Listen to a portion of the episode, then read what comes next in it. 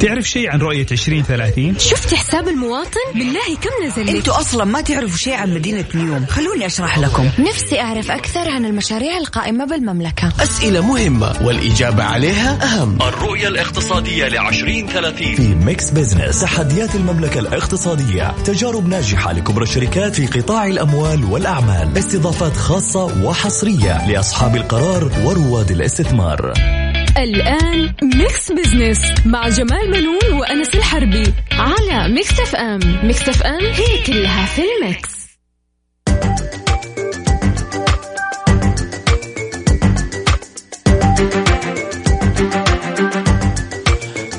أهلا ومرحبا بكم مستمعينا الكرام. أنا جمال بنون أحييكم من Mix FM وبرنامج Mix Business يشاركني في التقديم الزميل الدكتور أنس الحربي. مرحبا أنس. أهلا وسهلا فيك أستاذ جمال واهلا وسهلا فيكم مستمعينا في حلقة جديدة من برنامج Mix Business. برنامج كالعادة يجيكم كل أسبوع مثل هالتوقيت.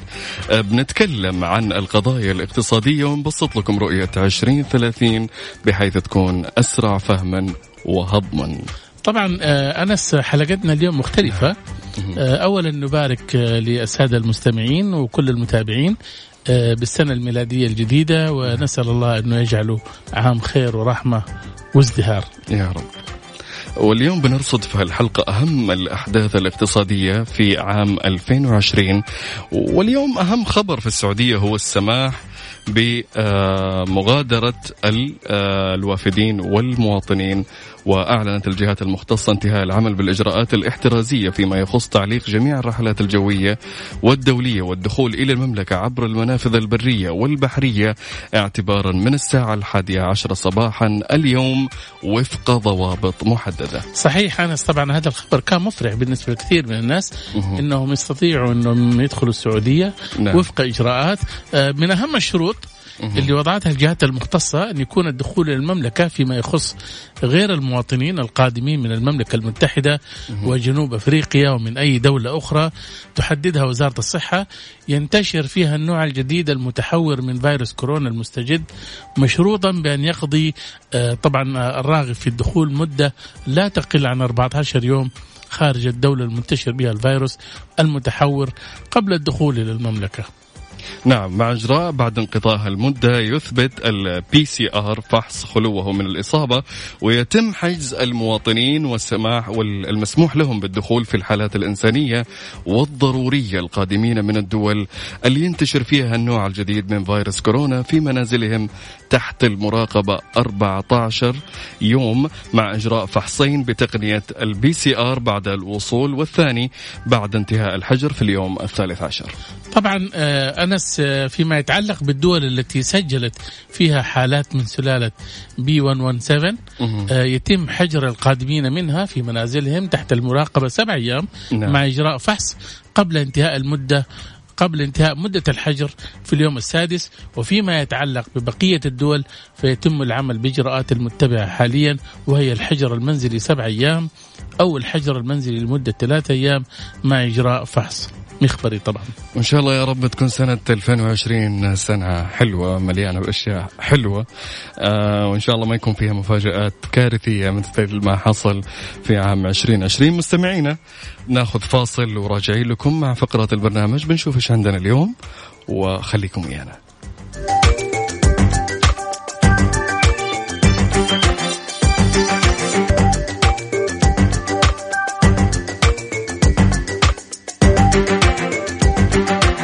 مستمرين معاكم في Mix Business وأهلا وسهلا فيكم. اليوم حلقتنا مختلفة بمناسبة نهاية عام 2020 حاولنا أن نرصد لكم أهم الأحداث الاقتصادية اللي شهدتها المملكة العربية السعودية بالطبع.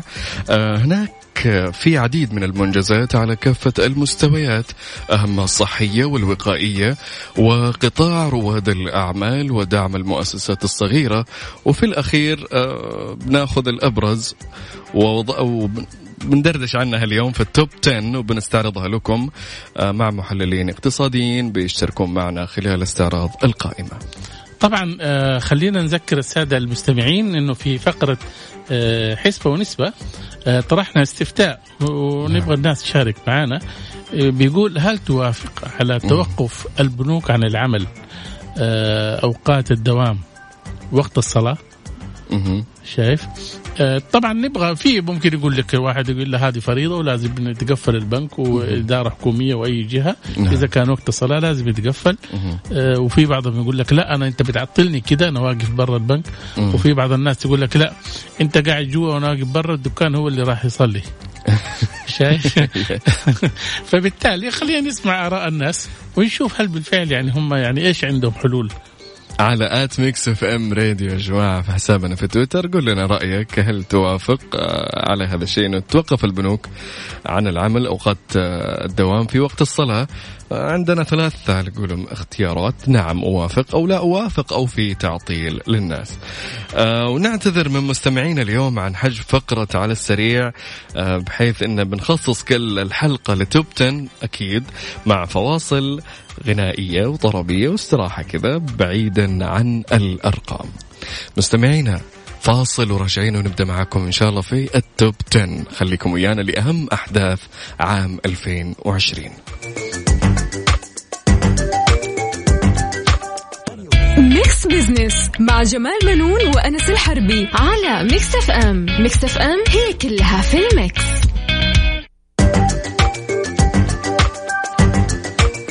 أهلا بكم مستمعينا الكرام من جديد وكما أخبرناكم من أول أننا سنخصص هذه الحلقة لعرض أبرز أبرز عشر أحداث اقتصادية مرت بها السعودية وتعد من المنجزات في سلسلة الانجازات التي تعيشها البلاد. طبعا نرحب أيضا بالأستاذ محمد البيشي صحافي وكاتب اقتصادي الذي سيشاركنا تقييم أهم الأحداث الاقتصادية التي رصدها فريق Mix Business ونبدأ بطريقة العد التنازلي. لننطلق إلى top 10 مستمعينا.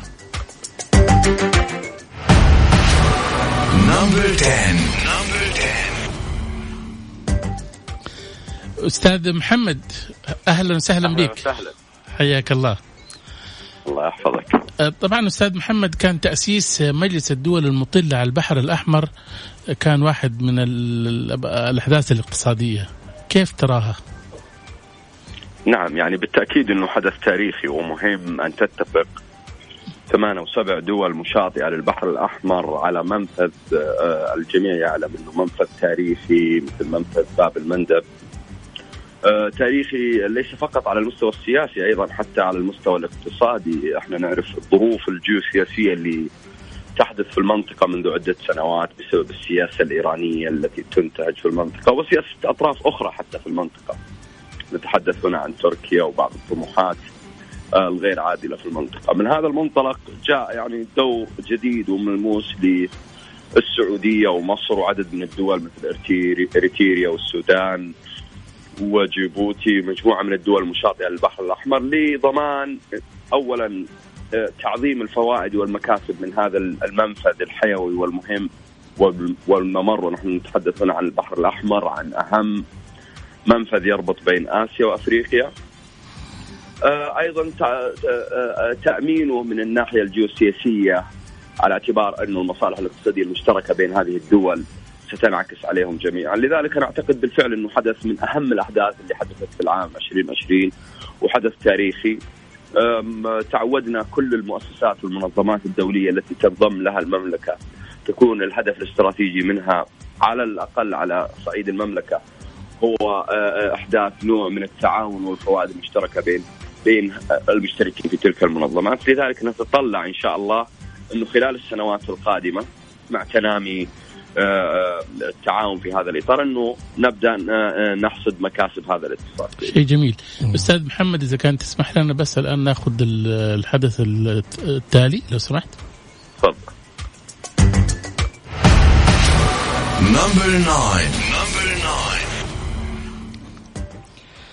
الحدث التاسع إحالة نظام الكفيل للتقاعد والبديل عقد عمل منظم العلاقة بين الطرفين. وش رأيك أستاذ محمد بالحدث هذا؟ أهلا بك أخوي أنس حياك الله. حياك. إني أسمع صوتك. كمان. يا أهلا وسهلا. يعني الحمد لله المملكة تمضي قدما خطة تصحيح سوق العمل في ال- في السعودية لم تبدأ فقط من هذا النظام. بد انطلاق الرؤية بمجموعة من القرارات بدءا من حماية الأجور نعم. آه، وليس انتهاء بإعادة هيكلة برامج السعودة والتوطين ثم لاحقا موضوع آه، الرسوم والمقابل المالي وتنظيم آه، تواجد الأجانب في المملكة العربية السعودية بعد ان شهدت على مدى عقود زخم كبير جدا يعني بلغ معه نسبة الوافدين في المملكة تجاوزت أكثر من نصف السكان. اليوم هناك تصحيح لسوق العمل بحيث أنه السعودية تستمر في الاستفادة من الخبرات الأجنبية العالمية في كل المجالات سواء العمالة الماهرة أو حتى العمالة آه، آه، آه، العادية بحيث إنه يكون هناك تنظيم جديد. أعتقد إنه ما ذكرتوه من إحالة للنظام الكفيل للتقاعد رغم إن السعودية لم تكن يوما يعني معترفة بهذا النظام إلا إنه الحقيقة إنه بالفعل إحنا نضع النعش الأخير على هذا النظام ونصحح العلاقة اليوم بين صاحب العمل وبين العامل بحيث إنه لا تهضم حقوقه.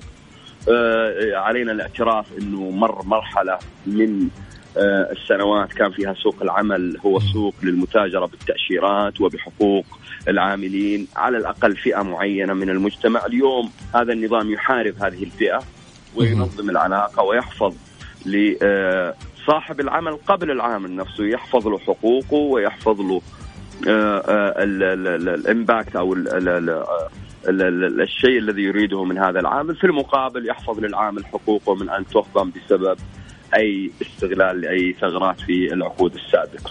أعتقد أستاذ محمد هذا النظام آه، لفئة محددة من المقيمين صح؟ ما تشمل مثلا الأعمال المنزلية وغيرهم؟ فقط استثني فقط الأعمال المنزلية اللي هم العاملين والسائقين نعم. آه، ما عدا ذلك هو ينطبق على الجميع ولسبب آخر أيضا لأنه آه، حقوق العاملين في في في في المنازل في السعودية مكفولة ولله الحمد بشهادة المنظمات العالمية والدولية وتم تصحيحها أيضا نعم. خلال السنوات الماضية بشكل كبير جدا واليوم هناك تنظيم كبير في هذه السوق لذلك هي مستقرة. إنما الخلل هو في بقية القطاعات الأخرى آه، بدءا من الراعي في الصحراء انتهاء بالمهندس في أكبر شركة في السعودية. اليوم آه، تسعى السعودية إنها تكون عامل جذب لهؤلاء العمالة ولكن في نفس الوقت للماهرين منهم لذوي القيمة المضافة للاقتصاد الوطني. صحيح آه، أستاذ محمد. طيب تسمح لنا نطلع آه، التالي بالنسبة لشركات أو الأحداث الاقتصادية المهمة؟ تفضل.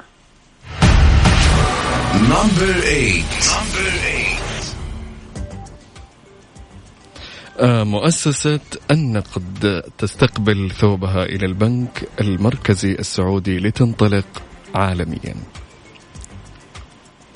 نعم وش تعليقك أستاذ محمد؟ طبعا مؤسسة النقد تحولت من آه، يعني آه، إلى البنك المركزي وهذا نعم. كان تحول يعني الحقيقة أنس كبير يعني. إن هي يعني كانها تستبدل ثيابها القديمة نعم. وتلبس نعم. الثياب الجديدة كيف شايف الثوب الجديد أستاذ محمد؟ أو تعلق لنا على الحدث جدا رائع وملائم لاقتصاد حيوي وجديد مثل اقتصاد رؤية السعودية 2030 اليوم آه السعودية آه عملت خلال الثلاث سنوات أخوي جمال وأخوي أنس نعم. إلى غربلة للعشرات من الأنظمة والتشريعات في المملكة. تشريعات في المجالات الاقتصادية أنظمة الاقتصاد أنظمة التعدين. اليوم عندنا محاكم تجارية عندنا قضاء تجاري عندنا قضاء اقتصادي. جملة من التغييرات. اليوم عندنا نظام للشركات جديد نظام للإفلاس. اليوم واحد واحد آه، عفوا آه، قبل يومين واحد واحد دخل نظام جديد للتعدين. كل هذه الغربلة تحتاج أيضا أنك تعيد للمؤسسات الكبرى في المملكة. توضيح آلية عملها. البنك المركزي السعودي منذ أن كان مؤسسة النقد العربي السعودي هو مستقل. ولكن ما حدث أنه تم توضيح هذه الاستقلالية بقرار جديد وبمسمى جديد.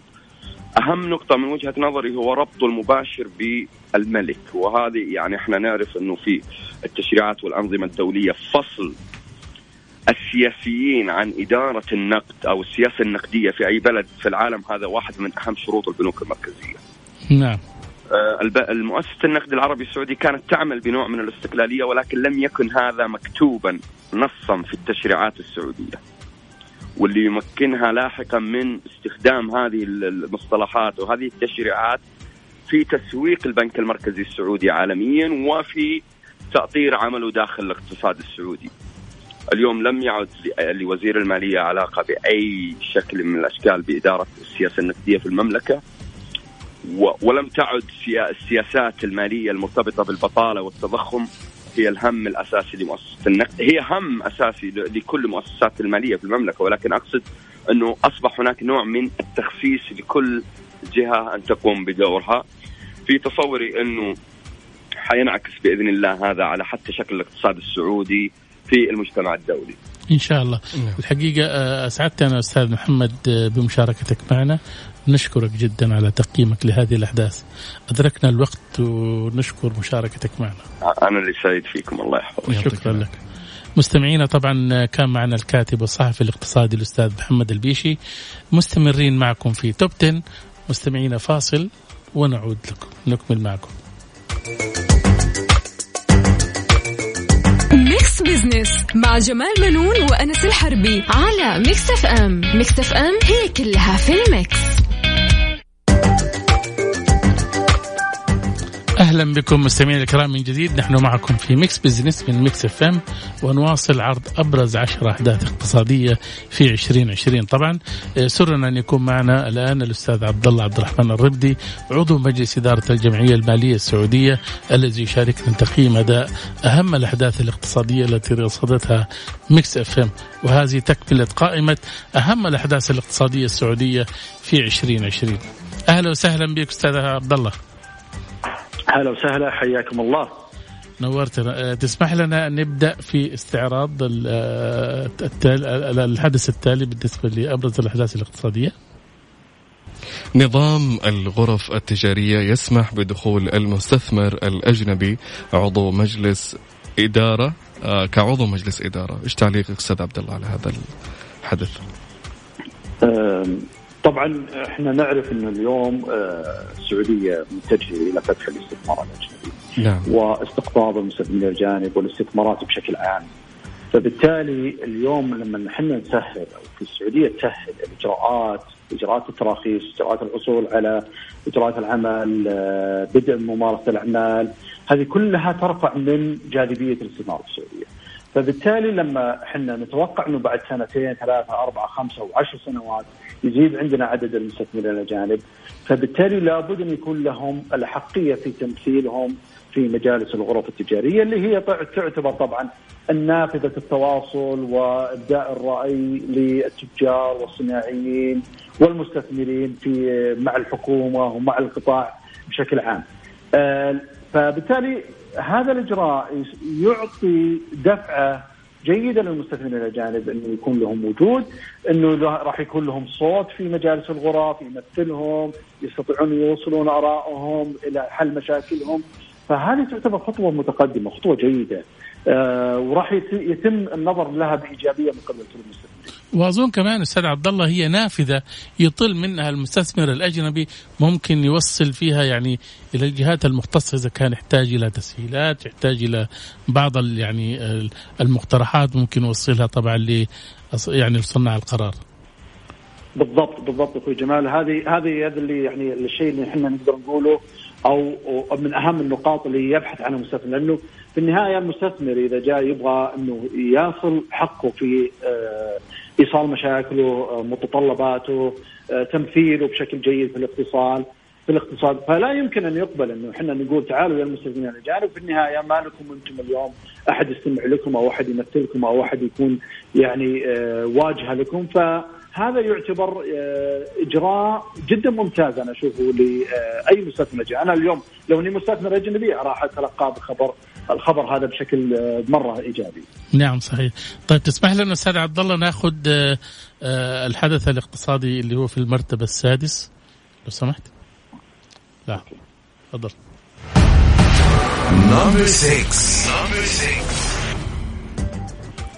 ولادة أكبر بنك في الشرق الأوسط باندماج بنكي للأهلي أو بنك الأهلي وسامبا هذا الحدث آه، أستاذ عبد الله تعليقك عليه؟ آه الاندماج نعم. آه أول شيء يهدف إلى تكوين كيان مصرفي عملاق. نعم. إحنا السعودية رغم أنه اليوم آه يعتبر أكبر اقتصاد آه في الشرق الأوسط. الا أنه تمثيل البنوك كحجم من ناحية الأصول لا يعتبر من ضمن أكبر خمس بنوك خليجية، أنا ما أتكلم عن الشرق الأوسط، خليجية لا يعتبر من ضمنها بنك سعودي. فوجود اليوم بنك سامبا والأهلي كاندماج لتكوين كيان ضخم حيعطيهم تمثيل جيد، حيعطيهم القدرة على آه، آه، تكبير حجم محفظة الإقراض. المشاركة في آه، القروض الكبيرة للمنشآت المشاريع التنموية الكبرى اللي ناويه السعودية تطرحها أو يعني تنشئها زي اليوم البحر الأحمر القديه وغيرها تحتاج تمويل ضخم فبالتالي وجود الكيان الكبير حيساعد بكل تأكيد إنه هذا هذا البنك أو هذا الكيان يكون قائد في عمليات التمويل الجماعي في عملية التمويل حتى لو هو بنفسه أنه يعملها. هذا كله آه، يساهم أنه البنك حيكبر. البنك ممكن فيما بعد ينشئ له فروع كبيرة يقدر يدعمها خارج المملكة وينطلق كيان مالي ضخم إلى الاستثمار خارج السعودية. نعم. نروح للحدث اللي بعده أستاذ عبد الله. الإسكان تحل مشاكل آه، تملك المواطنين والمستفيدين آه، مليون أسرة. تعليقك أستاذ عبد الله. أتصور أنه هذا اليوم شيء يهم كل مواطن نعم. واليوم أحس فيه المواطنين بشكل عام والاقتصاد نعم. الحجم مو سهل جدا ابدا مو سهل يعني اليوم إحنا لما نقول لما الاسكان عملت هذه المشاريع وأطلقت التمويل المدعوم وطورت مع المطورين أعتقد إنه يعني اشاده لابد انها حقيقة لابد ان تذكر وتشكر عليها وزارة الإسكان. اليوم اللي سوته وزارة الإسكان بالإضافة إلى أنك زي ما ذكرت أخوي حلت مشاكل. نعم. العدد كبير من المواطنين في مشكلة الإسكان. لا تنسى انها اليوم آه، أدت إلى زيادة في الناتج المحلي للاقتصاد السعودي حجم كبير عبر خليني أقول لك إياها عبر أول شيء زيادة محافظ الأقراض للبنوك نعم. وتشغيل الأموال بشكل أمثل زيادة أعمال المطورين العقاريين فبالتالي زاد الطلب على مواد البناء والإنشاء فبالتالي تحركت مصانع عندنا مصانع الإنشاء والحديد والإسمنت. أضف إلى ذلك انه أدت إلى تطوير في مواد القطاع البناء الأخير زي السيراميك وغيرها. هذه كلها أدت إليها حركة وبالتالي كان في انتعاش على القطاع السكني العقاري. نعم. هذه كلها سلسلة من التداعيات عبر تبني وزارة الإسكان لإجراءات تحفيزية وتنظيمية كانت جيدة لقطاع الإسكان. أدت كلها في النهاية انه يزيد تملك المواطنين الإسكان. زي ما ذكر سمو ولي العهد في حديث كان سابق له أنه كان يأمل أنه في عام 2020 أن يصل تملك المواطنين أعتقد بنسبه كانت حدود 47 أو شيء زي كذا. اليوم إحنا تجاوزنا هذه النسبة. فتجاوزناها مع زيادة عدد الإسكان كذلك. نعم. هذا هدف ما كان بعيد اليوم أصبح عندنا في يوم في عام 2020 فعلا إنجاز يعني نفخر فيه وإنجاز يشعر فيه كل مواطن الحمد لله في تملك المسكن وهو أمر مهم وحيوي حيوي لاستقرار الحياة الأسرية والحفاظ مدخرات المواطنين. وكمان نعم. هي يعني شوف يعني آه، إلى جانب هذا هي الآن وزارة الإسكان طرحت العديد من المنتجات بحيث إنها تكون خيارات متعددة أمام المواطنين إما قرض وأرض أو البناء الجاهز وغيرها من المنتجات والتمويل فبالتالي أصبحت يعني هذه كانت في السابق أستاذ عبد الله تعرف إنه كانت أهم المعوقات عند السعوديين إنه ما يقدر يبني بيت أو إنه يتحصل أو يتملك بيت. لكن الآن أصبحت ميسرة. أحسنت. أنا اليوم يعني شخصيا شفت آه، مخططات اراضي في أحد المحافظات وزعت على المواطنين مجانا و تم توجيه المواطنين إنه لكم الآن القدرة إنكم تأخذون تمويل مدعوم يعني أنت اليوم استلمت أرض مجانا وكذلك تأخذ تمويل عليها مدعوم من نعم. الدولة أعتقد إنه تسهيل كان جدا رائع آه، تشكر عليه وزارة الاسكان. صحيح، نشكرك أستاذ عبد الله على تقييمك لهذه الأحداث، طبعا أدركنا الوقت ونشكر مشاركتك. آه، شكرا لتقييمك. شكرا لكم، شكرا. مستمعينا طبعا كان معنا الأستاذ عبد الله عبد الرحمن الردي عضو مجلس إدارة الجمعية المالية السعودية مستمرين معكم في توب 10 مستمعينا فاصل ونعود نكمل معكم. ميكس بزنس مع جمال منون وأنس الحربي على ميكس اف ام ميكس اف ام هي كلها في الميكس أهلا بكم مستمعينا من جديد. نحن معكم في ميكس بزنس من ميكس إف إم ونواصل عرض أبرز عشر أحداث اقتصادية في 2020 وتنضم معنا في الاستديو الدكتوره نوف الغامدي مستشاره التنمية الاقتصادية وإقليمية التي تشاركنا في تقييم أهم الأحداث الاقتصادية التي رصدها فريق ميكس إف إم. مرحبا دكتوره نوف. أهلا وسهلا. مساء الخيرات. وكل عام وأنتم بخير يا رب وعام سعيد. إن شاء الله على الجميع بإذن الله. دكتورة طبعا إحنا وصلنا إلى الرقم أربعة. تمام. مكافحة الفساد إلى يوم يعني 31 بالليل مطلعين قائمة ب 12 شخص. صحيح. فمعناته من بداية السنة إلى الآن يقف بالمرصاد لكل من يعبث بالمال العام ويباشر 2000 قضية تقريبا يعني رصدها فريق البرنامج. أه، كيف أنت تعلق على هذا الموضوع؟ يعني الحقيقة المملكة العربية السعودية في موضوع الفساد بالتحديد هي ماضية في محاربته بكل الأشكال.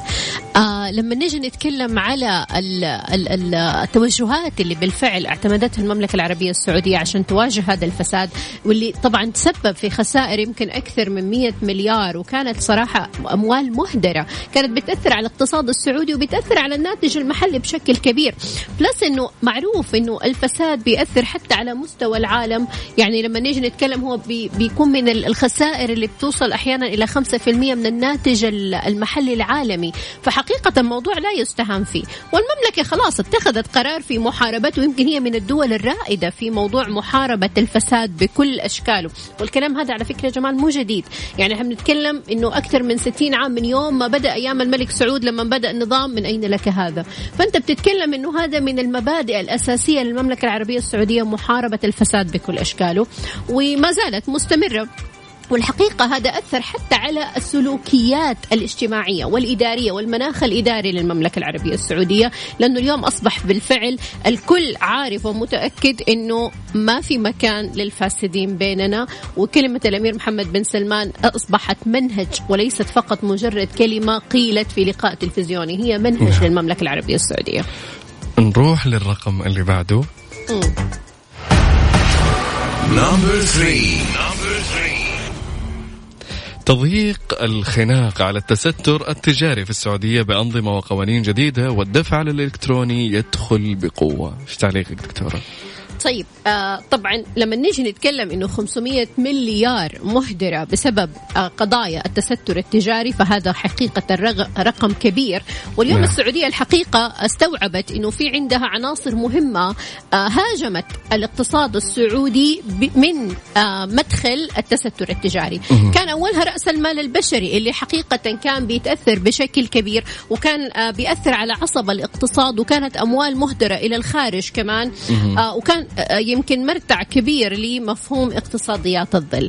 لما نجي نتكلم على قيمة العمل الحقيقية اللي كانت بتؤثر بالفعل على الناتج المحلي نتكلم على الغش التجاري غسيل الأموال اللي اليوم المملكة حاربته بشكل كبير آه وموضوع التهرب الضريبي. كل هذه الأمور حقيقة كانت تخضع للتستر التجاري وكمان طبعا ارتفاع حجم البطالة والاعتماد على العمالة الأجنبية. أحيانا اللي بتكون غير مؤهلة بتدخل في أماكن يمكن السعودي أولى فيها حقيقة يعني من باب التواجد ودعم المنتج المحلي نعم. فعشان كذا بنقول اليوم حاربته المملكة العربية السعودية من خلال عدة أمور يعني ما كانت فقط من خلال التشريعات والتنظيمات إحنا بنتكلم اليوم إلين وصلنا لمرحلة إنه دخل فيها الذكاء الاصطناعي اليوم المملكة بتحاربه من خلال آه، الهيئة السعودية للبيانات والذكاء الاصطناعي وأصبح في مؤشرات للالتزامات لجميع القطاعات عشان تقدر نعم. تقيم التزامها سواء كان بالتجارة الإلكترونية أو بحلول الدفع الإلكتروني آه، إلى آخره من الأمور آه، والتسهيلات حتى اللي قدمت للمستثمر الأجنبي علشان تحد من نعم. التستر التجاري نعم. من خلال نعم. الأنظمة طيب دكتور نوف نستأذنك فاصل ونرجع نكمل اللي الباقي النقاط اللي هي اثنين وواحد في التوب 10 مستمعينا فاصل وراجعين خليكم ويانا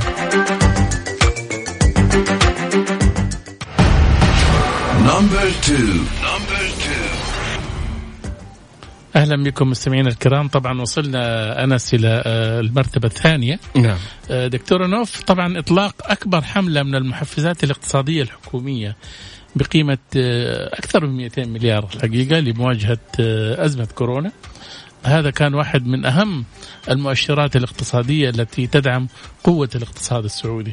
يا ريت تعلقي لنا على هذا الموضوع. طبعا أكيد لأنه السعودية اتخذت من بداية موضوع أزمة كورونا وتاثيراتها هل استوعبت حقيقة هذا الأثر الاقتصادي اللي ممكن يؤثر على الناتج المحلي وعلى بيئة الأعمال بشكل عام؟ فاتخذت إجراءات الحقيقة احترازية قوية آه، من خلال دعم القطاع الخاص أو من خلال دعم المواطنين من خلال دعم بيئة الأعمال. يعني حقيقة كان في محفزات وحزم كبيرة آه، اتخذتها بشكل تدريجي لدعم الاقتصاد. الاقتصاد السعودي عموما قوي. بس يمكن خلال جائحة كورونا آه، بالفعل كان في أثر على كل المستويات سواء كان على أسعار النفط أو على الأسعار الاستهلاكية أو جميع المؤشرات الاقتصادية. فبالتالي الحزم اللي اتخذتها هي اللي ساعدت اليوم أنه إحنا نخفف من آه، هذه الآثار الاقتصادية وفعلا نستطيع العودة بشكل أفضل بشكل تدريجي آه، خلال السنوات القادمة بدون ما يكون في الآثار الكبيرة اللي ممكن كان كانت تكون مدمرة للاقتصاد السعودي وتضيء والأهم أنها كانت ما حتضيع لنا المكتسبات خلال فترة الإصلاحات الاقتصادية اللي سبقت الجائحة. ف وهذه كمان كانت يمكن من العوامل المهمة اللي دعمت مع المحفزات أنه إحنا بالفعل نعدي هذه الفترة آه، بأمان. فالحمد لله أعتقد أن الاقتصاد السعودي آه، كان متجاوب بشكل كبير وهذه الحزم يمكن ساعدت كمان بشكل كبير على العودة التدريجية للاقتصاد بشكل صحي أكثر. نعم. صحيح. نروح للمرتبة الأولى. نمبر 1